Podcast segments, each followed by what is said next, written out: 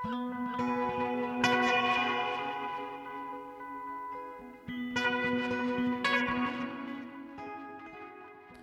sæl og blessuð. Biblioteka Nordica, Draumkafanir, sögulega nóvelan Dagbókin og Sons of Kemet í Víðsjá í dag.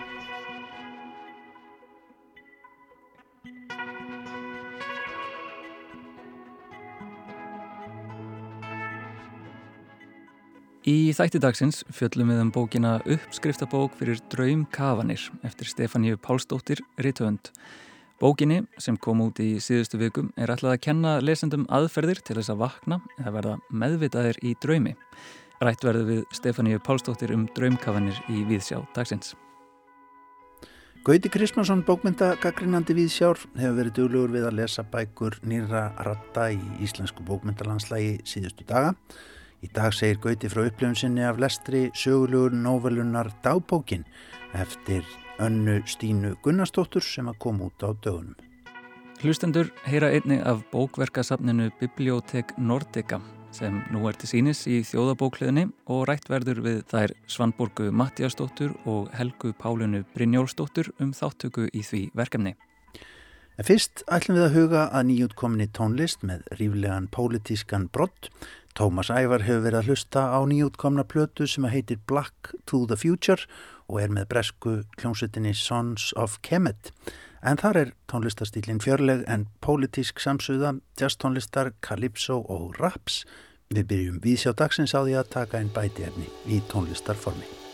I've been doing mileage with my phone on silent. Hear no, see no, felt the violence. God got my blessings on autopilot. Why ain't no one tell me peace of mind was pricey? I could dance with the devil, but that's unlikely. Might go broke, but that's unlike me. I was born from the mud with the hustle inside me. Born from the mud with the hustle inside me. Yeah. Feeding my soul. I go make nothing something. Show you my love. I don't feel nothing, nothing.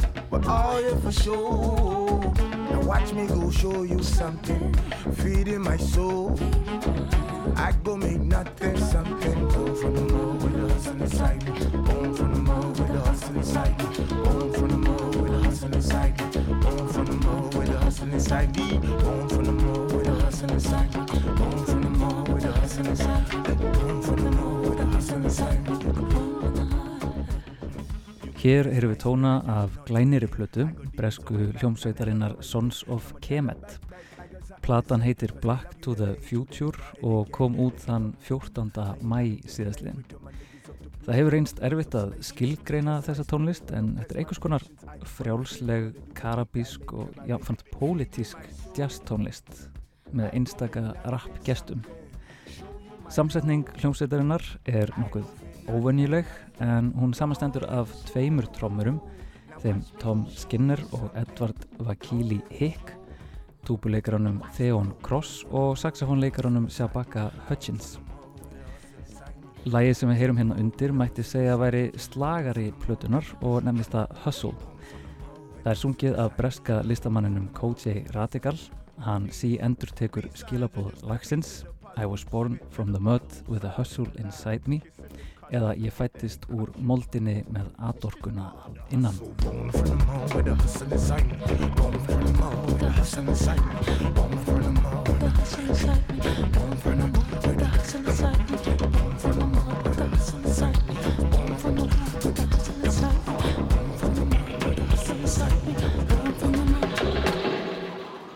Þessi setning nær nokkuð vel utanum efnistök plötunar en samkvæmt Pitchfork, tónlistameilinum leggur platan áherslu á nöðsin þess að orða og skilgreina sameiginlega kúun til að knýja fram samfélagsbreytingar.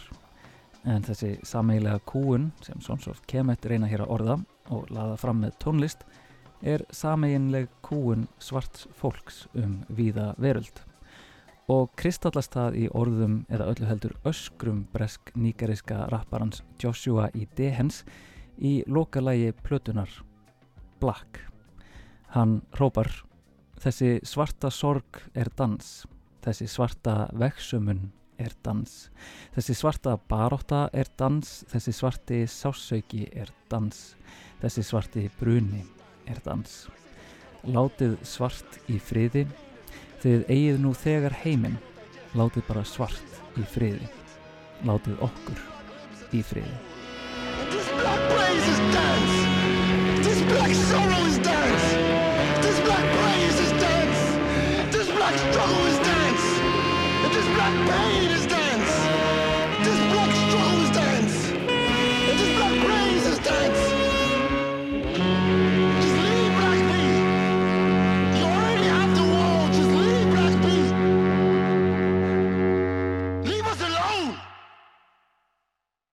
Platan Black to the Future er þar að leiðandi frekar dans væn.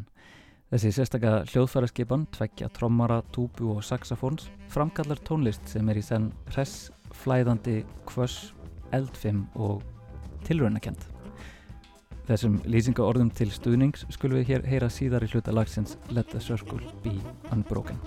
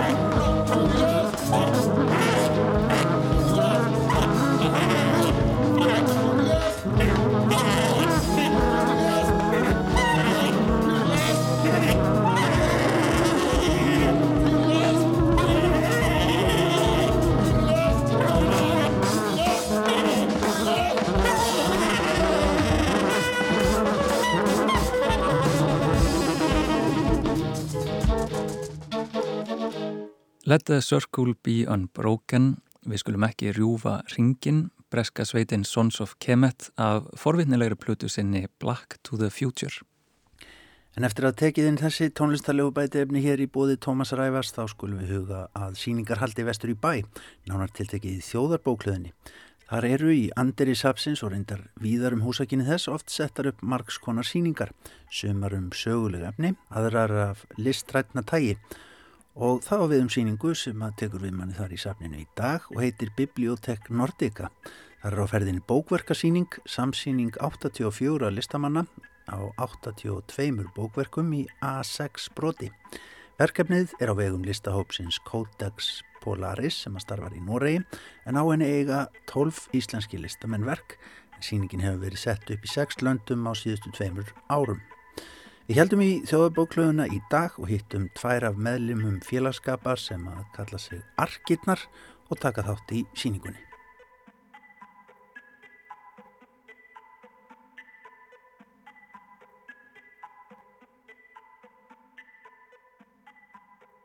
Við í Víðsjáru komin í þjóðabóklöðuna, landsbókasafn, háskóla bókasafn. Hér er uppi síning á bókverkum, norrænum bókverkum sem heitir því viðjandi nafni Bibliotek Nordica. Og hér með mér eru tvær listakonur sem eru úr bókverka, hvað, flokkinum, örgunum eða hópnum? Bókverka hvenna hópnum. Bókverka hvenna hópnum, það er flott, flott nafn, eh, sem heita, heita Arkirnar og það eru Svanborg Mattiasdóttir og Helga Pálína Brynjósdóttir. Eh, Þeir eru alltaf aðeins að segja mig frá þessari þáttöku ykkar í þessu norræna verkefni sem fór nú hansi langt. Uh, hvað, hvað getið þið sagt mér um Biblioteka Nordica? Það var fyrst synd í, í Kaliforníu 2019 á stóri bókverkamessu sem var kallu Codex, Codex 7. Stærstu bókverkamessu í heimi, Já. það var okkur sagt. Já, það er ekkert smávegis, já. Og þarna kom í ljósa, það, það, þarna höfðu ekkert margir norrænir verið með í gegnum árin. eða hvað? Já, sko, bókverkalistakona að nafni Ími- Máfe, bresk og býr í Noregi, hún tók þátt í messunni í Codex eh, 2017 og þá átti hún sér á því að hún var eini, eina mannskjan frá Norðurlöndunum. Það var, en, en þetta er, þetta er frá allstaðar í heiminum og mikið frá Evrópu og, og, og Asíu og, og hvaðanæfa. Síðan að þá, hérna, þá kemur hún að máli við skipuleggendur hérna messunar og, og spyrjaði hvort það væri ekki sniðut að hafa fókus á Norðurlöndin á, á, í næstu messu, sem sagt tveim árum setna. Og þeir eru bara hrifnir af því og, og, og, og henda boltanum í hana og hún var ekki að græja þetta. Og þá býr hún, sagt, þá, þá býr hún til þessa hugmynd um að búa til norrænt bókasafn. Já. Og, og hérna, þaðan kemur hugmyndin að því að hún fer strax í gang, við fáum post frá henni 2017 um hvort við viljum taka þátt í þessu bókasafni. Og svo eh, við erum sér satt sex arki sem tökum þátt í bókasafninu og síðan er það, eh, síðan eru hvað, eh, sex, sjö aðrir Fimm Íslendingar og svo tveir uh, útlendingar sem búa í Íslandi þannig að þeir eru mert, mertir með báðum löndum. Já. Þannig að þeir eru 13-14 mann sem tengjast Íslandi. Já, einni Íslendingur sem býr í Nóri. og, og sem sagt að, að hérna svo í framhaldinu þá býður hún okkur að, að hérna, vera fulltrúar Íslands á messunni af því að hver Norðurlanda þjóð fekk svo síningar aðstöðu á þessari stóru messu og við fórum hérna í 1. februar 2019 átta arkir og tókum þátt í þeirri messu sem var alveg gífulegt æfintýri Já. alveg stórkostlegt en, en hérna svo við höldum okkur við Svo eh, hefur hún sendt þetta núna um Norðurlöndin og nú er þetta komið hingað. Já, það er búið að sína þetta Bretland, í Bretlandi líka og, og það var náttúrulega kynnt, fyrst. Þessi bókaskápur með þessum 82 verkum var sínt fyrst á, á Codex 2019. En, en það sem er svo skemmtilt við þetta meðal annars er að, að hérna, instrúsjónuna sem listamenninni fengu var þetta átt að vera A6 og ekki þykkara en 2,5 cm. En svo er sko Sex byttu við. A6, A6, A6 stærðin 10,5 sinni 14,85 Já. centimetrar. Já. Já. Og, og tveir og halvur á þygt. Og, og síðan, er sko, síðan eru bækur náttúrulega, náttúrulega þinnri en það eru ekki minni og, og það er alveg sko óandalega fjölbreytni í bæði brotum, aðferðum. Þetta er þrykk og útsaumur og útskurður og teikning og málun og ljósmyndun og guðma vita hvað. Endalust. Endalust. Og, og líka bara, þú veist, hvernig það er brotið og hvernig það er sett saman. En Helga Pálina, við löpum hérna yfir að, að, að meðan Svamborg hvað sé kaffesúpa, að, að hérna skáp, skápunum sjálfum, þetta er í rauninni bókasafni. Það eru, þetta er að hagarlega hérna, gerðir bara einfaldir skápar. Þetta, hún fótt í Danmörkur og vann þarna með einhverju, á, á einhverju prentvestaði með einhverjum eldri manni sem ég man ekki nafni á núna. Það er þetta að lesum þetta allt saman á heimasíðinni þeirra sem að Codex Polaris er hópurinn í Bergen sem að stendur að þessu og það er sérst, sérstök, uh, sérstakar upplýsingar um þetta bókasafn. Já. Og þetta er bara 82 bækur komast fyrir þessum litla kassa sem er svo, ekki mikið starri heldur en bara að þrýr örk og, og hérna og það er sett bæði mynd af honum hvernig hann er fullur og svo er, eru nokkur verkum stilt í hann hérna til sínis. Já. Svo eru þau búin að taka úr skápnum og dreifa hérna í glerborðin. Þetta er ekki flókið, þú getur sendt heilt bókasafn millir landa bara svona. það, já, þetta er hérna norra, norræna bókasafnið. Flott nafn líka, Biblioteka Nordica, það er svo heillandi nafn. hún, það kemur fram á síðunni þeirra eða held öruglega bara í síningaskráni að markmið með því að gera þetta var að sapna saman og búa til sagt aðgengilegt e, úrval eða, eða, eða sagt sapn sem væri þá mjög ólíkt frá öllu Norðurlöndunum og líka búa til tengingar á millilistamanna sem á Norðurlöndum sem er að stunda bókverk. En það er alveg furðulegt að á þessari heims hérna, ráðstöfnu bókverka sé ekkert frá Norðurlöndum þarna fyrst, 2017, vegna þess að þetta er jú dálítið sterk hérna, listgrein á Norðurlöndum, ekki satt? Ég menna, hefur verið. Já, nú er ég ekki Já, rétt að manneskjandi til þess að svara því en þetta hefur verið stunda heilmikið Já. og heilmikið í Evrópu. Einmitt. En það er náttúrulega Líka líka, í Hollandi og, og, Já. og þar Benlúkslöndunum. en við sáum líka á síningunni að það sem verið var að presentera þar frá Evrópu til dæmis, það var frá sko útgáfu fyrirtækjum. Það, voru, það voru listamenn sem byggu til svona verk en þá var það prentað í og rosafínum prentsmiðum og rosaflottan pappír og alls konar tilraunir og, og, og, en, en þú veist þetta er uh, yfir, þetta er svona gegnumgangandi handgert. Já. Þe- Þetta er sjálfnast unnið af fagmönnum í bókbandi, heldur er þetta myndlist. Einmitt. Það er eiginlega kannski, en, en hitt er meira svona á sumuleiti sambland. Og, og það sem var til dæmis nýtt fyrir margar af okkur og ég öruglega sem við þurftum að skila inn 11 eintökum af bókinni að því það eru tíu kassar, það eru tíu bókasafn. Já, Og ég held að upphafi þá hafa hún haft þá hugmynda, ég veit ekki hvernig staðan er núna en hún hafi haft þá hugmynda sem sagt, það væri til eitt svona bókasafn á hverju Norðurlandana. Þjóð, í þjóðabókluðum hverja Norðurlanda fyrir sig, nú veit ekki hvernig það hefur gengið upp en og þið viti ekki til þess að þetta muni stoppa hér, eða fara hér inn í safnið, haldið það? við vitum ekki til, við þekkjum það ekki. Við tókum að okkur ími ætlaði að koma hinga og setja þetta upp sjálf, þessa sýningu, en, en hérna út af COVID, þá það í... bað hún okkur um, hún bað okkur að vera á hlýðalínu og setja þetta upp fyrir sig ef hún kæmist ekki og það var, þannig var það. En hvernig var að fara þarna til bandaríkjana á heims bókverkasýningu? Það var bara alveg rosalega gaman. Þetta var sko, við vorum, þetta var, voru það margar, við þurftum ekki að vera neitt að, hérna, á þessu, að kynna hennan bás okkar nema bara Það er í einu. eitthvað svo leiðist. Þannig að við gáttum svo mikið skoða. Þannig að þetta var bara svona í rauninni eins og námskeiðsferð fyrir okkur, sko. Já, Þetta var alveg bara lærðum óendanlega mikið og spennandi. skoðum mikið og hérna, svo voru fyrirlestrar og það voru sýningar og þannig að Og hvar var þetta haldið? Þetta er semst í Richmond við eh, sagt eiginlega San, eiginlega San Francisco Já, já, eða svæðið. Já. Þetta er haldið í gammalli skip, herrskipa vesmiðu, þetta er niður á bryggju og þetta er glerhöll. Alveg bara og þar, þar smíðu þeir skipin, kláruðu skipin og kerðan bara svo út í flóan og svo var bara silt í stríði. Og, og að, ég veit ekki, þetta er auðvitað notað fyrir einhverja svona Menningu í dag. menningu, já, eitthvað svona, já. Þetta Já. var svona, voru þannig líka fyrirlestrar sem tengdust sko sögu stríðsins og þessara, hérna, Já, Og staðarins. já, Já. Það, það var líka þannig kring, sko. Og þarna voru alls konar bókverkir í ráð fyrir. já, já. Á alls konar forsendum og bara allt spektrumið og þarna voru líka, þarna var líka fólk sem var að selja pappír, var að selja leður í bókband og svona á, á línunni sko. Og, og það var bara, það var mjög spennandi, þetta var mjög inspirerandi.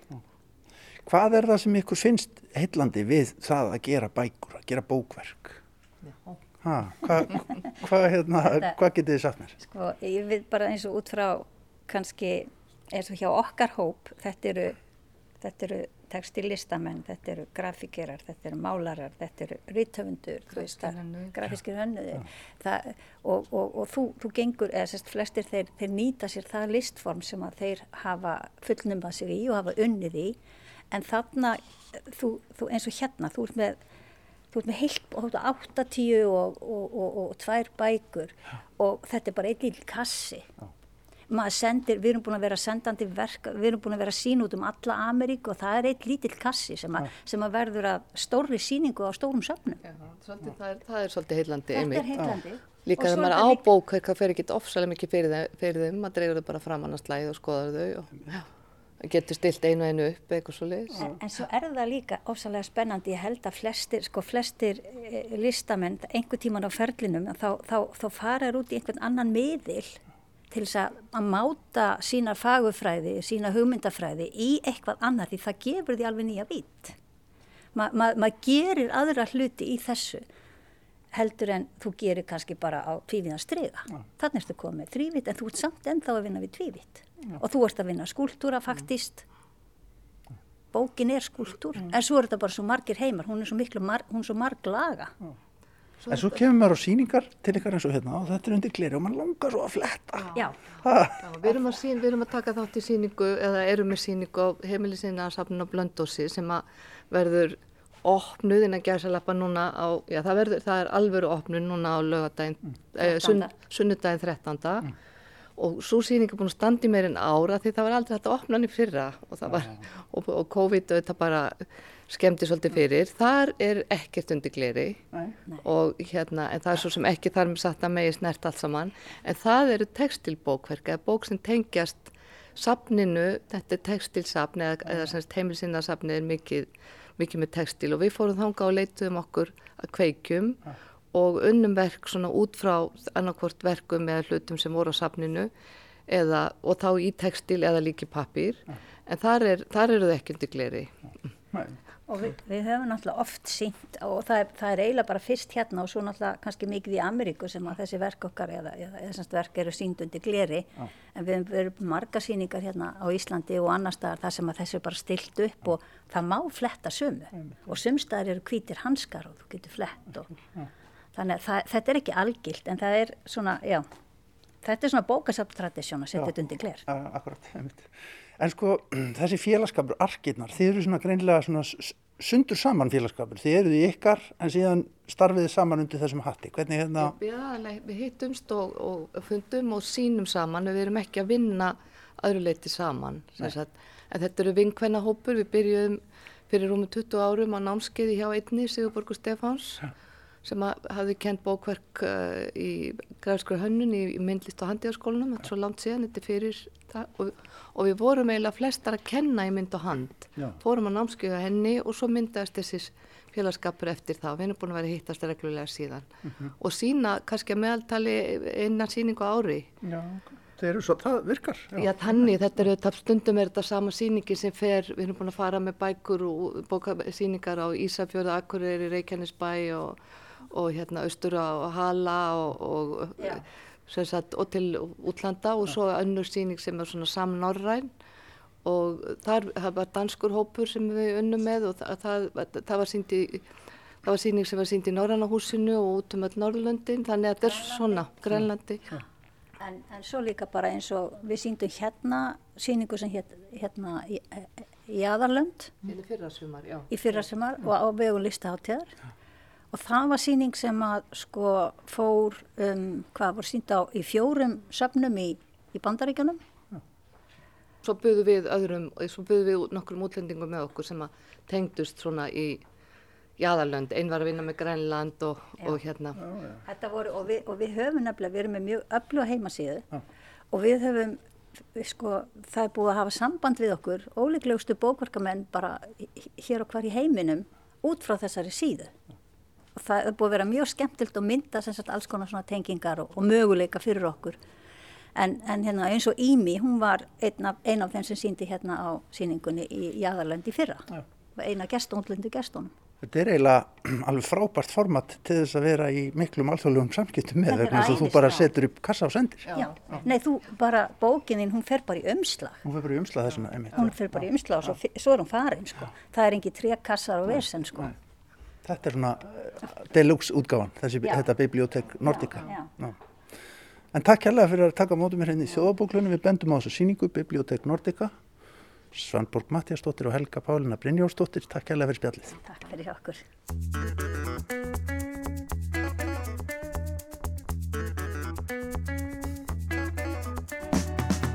Þótt ég sigli um sjá, þótt ég slái með ljá, þó að allt sé á tjá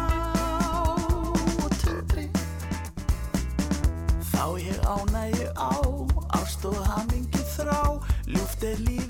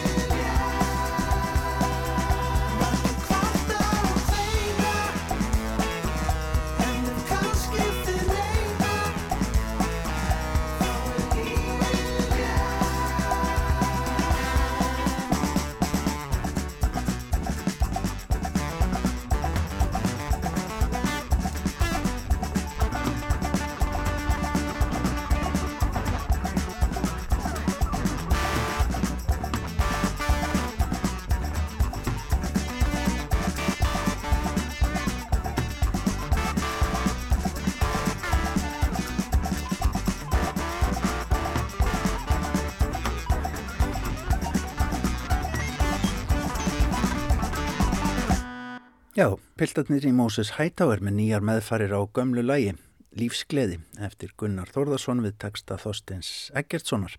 Lægið frá árunni 1968 í nýju meðförum Moses Hightower en svo eðla hljómsveit er þess að að halda upp á 11 ára ammali sinnar fyrstu plötu búum til börn með tónleikahaldi í Bæjarby og í Hafnarfyrði síðar í vikunni og reyndar víðar um landið í framhaldinu. En þá hugum við að bókum. Gauti Kristmannsson, bókmyndagagrínandi Viðsjár, hefur verið duglegur að lesa bækur nýra ratta í íslensku bókmyndalífi síðustu daga og segja hlustundum Viðsjár skilmerkilega frá. Í dag segir Gauti frá upplifun sinni af lestri sögulegu nóvelunar dagbókin eftir önnu Stínu Gunnarsdóttur sem kom út á dögunum. Vorið virist vera tími ungra höfunda nú um stundir og þessi bókar hluti af því flóði, þótt flóð sé kannski aðeins of stert til orða tekið. En ef til vill verði vorbókaflóðið eitthvað til að hlakka til á næstu árum, ekkert síður en jólabókaflóðið. Sagan sem sögður hér er unnin upp úr lokaverkefni rillistarnemans önnu Stínu Gunnarsdóttur og ber þess vissulega einhver merki að vera frumraun höfundar. En margar frumraunir hafa þó samt verið brokkingar en þessi sögulega nóvela, eins og hann heitir í undirtilli, stuttri skáldsögu sem nýtir sér tækni sögulegra frásagna. Sögulega skáldsögur eru oft taldar eiga rót að rekja til Walter Scotts sem sló í gegn með þeim á 19. öld eftir hann gaf út Waverley 1814. Sögu sem hann kláraði reyndar eftir að hafa þýtt hlut ár erbyggjasögu á latínu. Undirtitill þeirrar sögu var reyndar til 60 years since og byggði þá hugmynd að um 60 áram eftir að atbyrður eru liðnir og þar með úr minni lifandi fólks en samt ekki hornir inn í gráa fornesku glemskunar með öllu þá sé komin tími til að mótur því sögulega skáldsögu.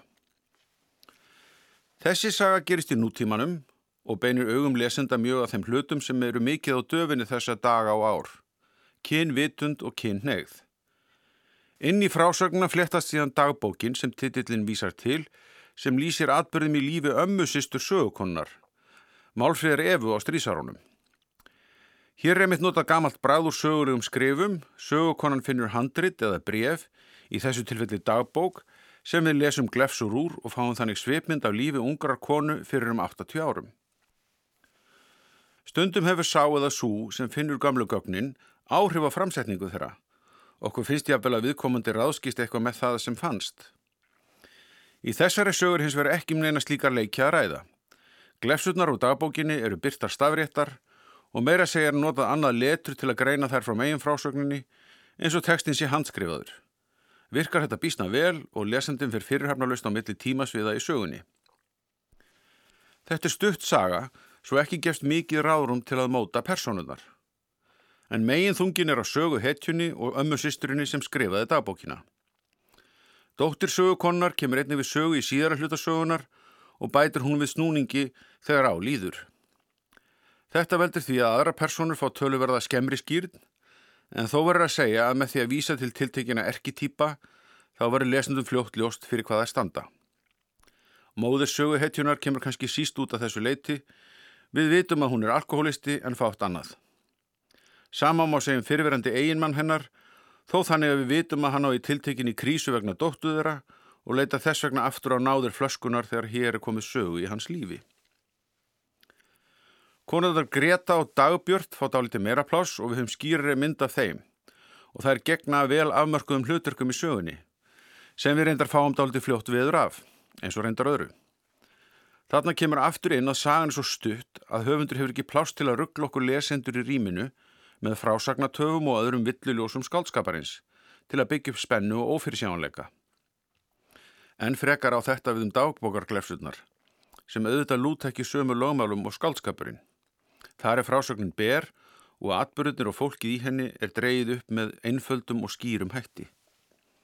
Eva Carwell, breska hjúgrunarkonan eins og sagt frá þeim tíma, er aðeins til í draum sín fyrstu ástar og aðrar personur mótast á hlutverkum eða sorglegum viðbyrði lífið þegar við missi bass í fæðingu. Þetta allt er þó haganlega samansett og sínir að höfundur hefur börði til að setja saman trúverðaðan og sannfærandi skálskap.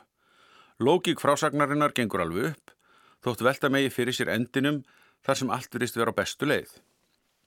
En kannski er ekkit aðtóverst við það, eins og heimsbyggingurinn Ernst Bloch helt fram í rannsóksinni das Prinzip Hoffnung eða grundvallar regla vonarinnar, þar sem hann fór yfir hvernig skálskapur hefur um aldir gengt í hlutverki að skapa útópíu vonarinnar og veita mannfólkinu einhver tilgang í samræmi við það sem það sjálft er hverju sinni. Þess vegna segja í gerna frá því hversuna kolbíturinn egnast á lokum prinsessuna og hálft ríkið auki og þar fram eftir göttunum. Og þó farmleikir falli ekki undir þessa grunnreglu vonarinnar, þá vitum við að mikið á bókmyndum, leikritum og kvikmyndum fylgir þessu minstri. Að skapa fyrir okkur hugmynd um betri tím í vendum, að mista kosti hjá sögupersonunum. Stíl sögunar markast af fremur stuttum aðalsetningum íslenska skólans sem ég nefnir stundum svo í kerskni en ofmargir punktar geta komið í veg fyrir að hægt sé að róa á djúpið finnst mér. En vitalega er það ekkit lögmál. Í þessari sögutekst til að mynda alveg að fá okkur til að hugsa um flokna tilveru nútíma kvenna og höfundu tekst líka byggja upp samlíðan með helstu söguhetjunum, Málfríði Evu, dóttur hennar Maríu og ömmu sýstrina Erlu og samanbururinn og lífi þeirra þá og nú virkar vel í samhengi sögunar. Þessi novella og nokkrar aðra nýjútkomnar frumraunir í ár og á síðustu árum benda sannarlega til þess að vorleikar sé að spretta upp og kannski verður setna að tala um bókmyndavori í því samhengi. Formlegt háskólanám í Rittlist á vafalist stóran þátt í því með því að gróður setja marga þessara vorleika og mögulega sínt fram á að skáldið sé skapað þótt að fæðist með tiltekna hæfileika. Svo vísa sér til frægra orða sem Ben Jonson hafði upp í eftirmælum sínum um Shakespeare. For a good poet's made as well as born. Vonandi verið framhald á þessari sköpun skálda sem hafa eitthvað að segja eins og höfundur þessara sögu hefur greinlega. Það er að miskustu vonin sem ég hef áþreifilega eftir lestu þessara bókar og annara frumruna undan farin ár. Saði Gauti Krismansson um dagbókina eftir önnustínu Gunnarsdóttur.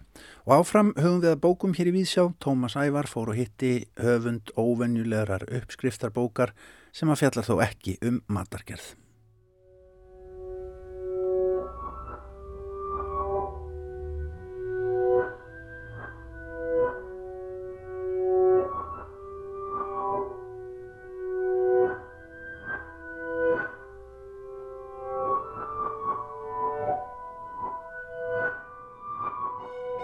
Hún er sestjana hjá mér Stefania Pálsdóttir, tónskáld og rítöfundur.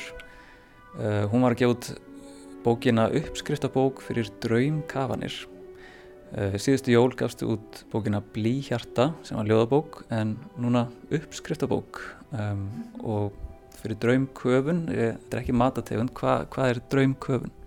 Herðu, draumköfun er sem sagt íslenskun á ennskórunu lucid dreaming sem er þegar þú ert meðvitaður um að þau sé að dreyma og tekur stjórn og verða að gera eitthvað skemmtilegt.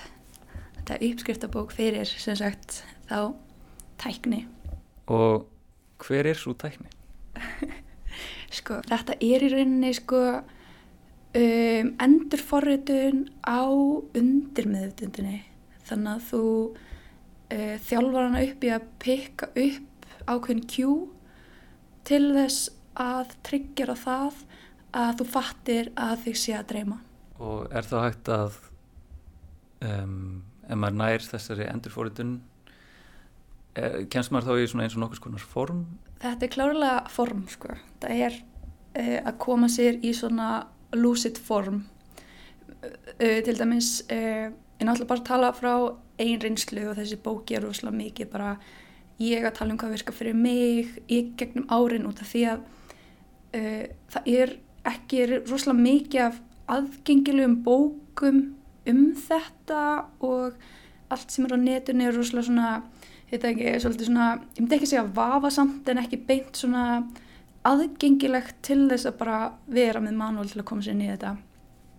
En fyrir mig allavega þá er þetta mér svona tímabil það sem er í einhverju formi, þetta er eins og að fara í rektina uh, þegar þú ferðir í rektina hverjum degi þá ertu bara ekki að gefa formi og síðan kannski gera ekki einhvern tíma og þá stettur úr formi, en það er svolítið svona svipað, þetta er svolítið svo drauma vöðvi nokkuð veginn. Hefur ykkur hugmyndum af hverju þetta er svona óaðgengilegt á netinu eins og þú segir? Uh, já, ég hef sko, ok, til að byrja með, við erum stödd á miðaldum, þú heist, samfélag okkar er og vata fók hvað er í gangi og ég held eftir þúsund ár þegar við lítum baka þá munum við sjá bara, já, ok, uh, 2020, já, já, það, það er á miðaldum, uh, allavega, uh, þá held ég að þetta sé, sé eitthvað eins og að við séum rúslega stutt komin í þessar uh, djúbkafanir inn í drauman okkar. Ég held að við vitum rúslega lítið því um hvað þetta er og af hverju og þú veist hvað, hvað við getum gert, held ég mögulega. Ég, eins og ég segi, ég veit ekki.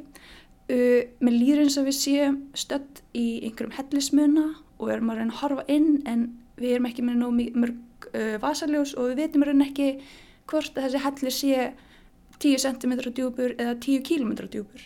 Þannig að þessi bók, með þessari bók vil ég líka svolítið svona peppa fólki að uh, fara í fleiri kannunarferðir inn í hennan helli til að sjá hvort að leynist eitthvað þarna sem við vissum ekki af. Og hvernig er tilfinningin að verða meðvituð í, í draumi? það fer svolítið eftir á hvað stígi maður er um, hún getur verið bara klikkuð klikkagóð uh, en hún getur líka verið bara svona já já eitthvað. Uh, kannski þeim ef maður á hérna lægra svona meðutundastígi í drauminum, í lúsi drauminum þá er maður kannski ekkert mikið eitthvað pæli því maður er bara eitthvað, hm, uh, ég ætla að taka með þetta ákveðin maður ég ætla að fara í búð eða eitthvað. Uh, og, og það er alveg ákveðin tilfinning sem fylgir þannig að þú veist alveg þegar þú ert lúsið eða ekki en þegar þú ert kannski á efra stíða sem þú getur bara stjórnað öllu í kringum þig bara literally með huga, hugarafli það er klikku tilfinning sko. En uh, hvernig kynntist þú og komst inn í draumköfun? Ég var fyrst lúsið alveg óvart þegar ég var bara barn. Um og síðan fekk ég einhverja algjörða þráhyggju fyrir draumum og uh, síðan í gegnum það eitthvað en byrja þegar ég byrja að pæla svo mikið í þessu uh, þá byrja ég að vera oftar lúsitt og þá byrja ég að bara googla mig til um það lesa bækur harfa á TED uh, nei, hérna YouTube fyrirlestra og bara, og bara ég er, er svolítið búin að vera að pæli þessu rosalega lengi og vera bara einhver svampur á þetta þannig að um, já, ég veit ekki, þetta bara gerðist einhver minn ég er bara óslæm mikið áhuga þessu ég bara algjör á dellu og langaði bara eitthvað til að spread the word Og tók það þig langan tíma að komast inn í þetta? Að, að þjálfa draumvöðun? Já, þetta er ákveði ferli sem ég fer alveg í, í bókinni þetta er svona nokkru þættir sem að þurfa að vera svolítið, svolítið að vinna saman til þess að eiga auðvildra með að þetta inn í lucid dreaming oftar. En til dæmis eins og í dag er ég ekki í formi. Uh, ég var lucid fyrir uh, tveim vikum senast óvart og fyrir það þá voru það alveg bara uh, í tvö ári eða eitthvað. en þetta er einmitt eins og segi bara vöðvi sem að er ekkert mál að þjálfa upp og vera í formi en síðan bara nennir maður því kannski ekki allan daginn, allan tíman sko. Og hvar nálgast maður eintakað af verkinu? Heyrðu, það er hægt að senda mér skilabóð uh, gegnum Instagram, ég heiti Dóttir Pálstar eða hún fæst, það eru nokkur intök í Myrkraverk galleri á skólaverðstígunum síðan já uh, á þeim tveim stöðum En þetta er partur af starra verki, skilt mér, uh, segð mér aðeins frá því. Já, þetta er sem sagt uh, partur af verkefni sem spratt upp uh, í vetur um, þar sem að þetta er sem sagt þessi bók og síðan tvö tónverk sem sagt er að læra tónsmiðar af tónsmiðar í listafaskólanum þetta er alltaf um, kringu það. En já, þar sem ég er að um, rannsaka uh, space sem sagt uh, þemaverkana er þessi, þetta space. Uh, bókin er innri geimur. Síðan eru tvö tónverk. Eitt af þeim er uh, hálftíma game sinfonía þar sem að ég er til dæmis að vinna með hljóðum frá geiminum. Uh, hljóð sem hafa axli verið tekin upp, upp út í geim og einhver meginn tólkuð þannig að við heyrum þau í settingur búningi er við svolítið með gagnagrunn frá NASA. Um, og er svona að taka það í sinfoníur af búning. Uh, síðan er annað uh, geimverk sem er uh, algogeimur, algorithmical space þar sem ég er að taka um, lag með Rammstein uh, spila það uh, inn í hérna bara spila það á piano uh, og taka þær upplýsingar og svona meiti staðfært þær og útsetja fyrir sem sagt strengi. Þannig að við erum með hérna innri game í bókinni, við erum með ytri game í Game Sinfoníinni og síðan erum við með Algo Space. Uh, og tónverkin koma út uh, bara á sumarsólstuðum þannig að þetta verður einhver game þrenning Ó, ég hlaka til. Uh, má ég forveitnast uh, hvaða lag með Ramstein? fucking Sonne Það held ég nú. Sonne in Algo Space you can't, you can't make it up sko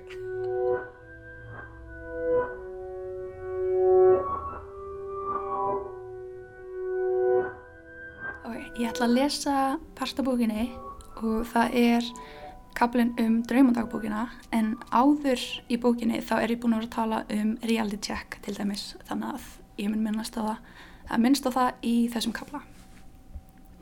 Draumandagbók Vert með bók og penna undir kottanum og láttu það vera þitt fyrsta verk á hverju morgni að skrifa niður stikkorð. Bara nokkur, kannski 5-10 fyrir hverja nótt eða hver draum. Uh, Mörgum dreymir alveg nokkra drauma á nóttu og muna vel eftir þeim þegar þau vakna en aftur, þetta er allt bara æfing. Ekki hafa ágjör þóttu muni lítið af draumunum þeim til að byrja með. En hvað ger maður síðan við þessi stikkorð? Eftir smá tíma byrjar þú að taka eftir mynstri. Ákveðin tákn, staðir, hlutir, personur sem þið dreymir sem þú rekst ekkert á svo mikið í vöku.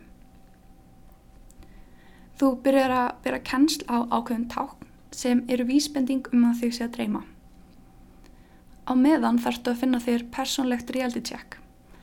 Það getur verið mjög fjölbreytt og með tímanum þá myndu alveg finna það sem hendar þér best en ég mæli samt með að máta og prófa þig áfram með algengt check á meðan. Það er hægt að googla uh, fyrir inspo en ég mæli samt innilega með að uh, þau tengist einhverju sem þú ert alltaf með á þér.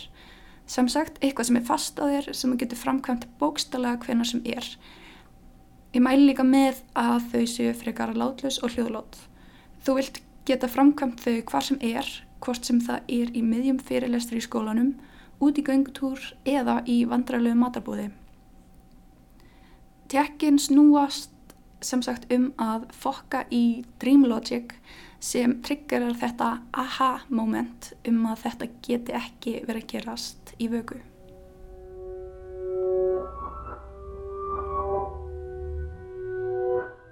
Stefania Pálstóttir, takk helga fyrir að koma í því sjá. Bara takk helga fyrir að hafa mig.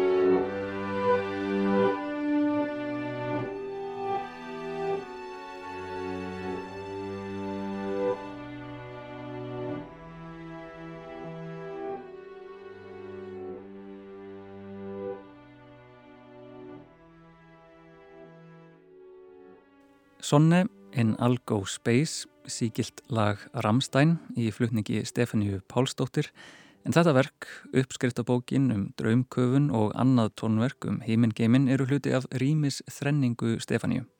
Bókin er komin út og fæst í vesluninni Myrkraverk á skólaverðistig en tónverkin líta dagsins ljós á sumarsólstöðum, nánar tildekið þann 21. júni.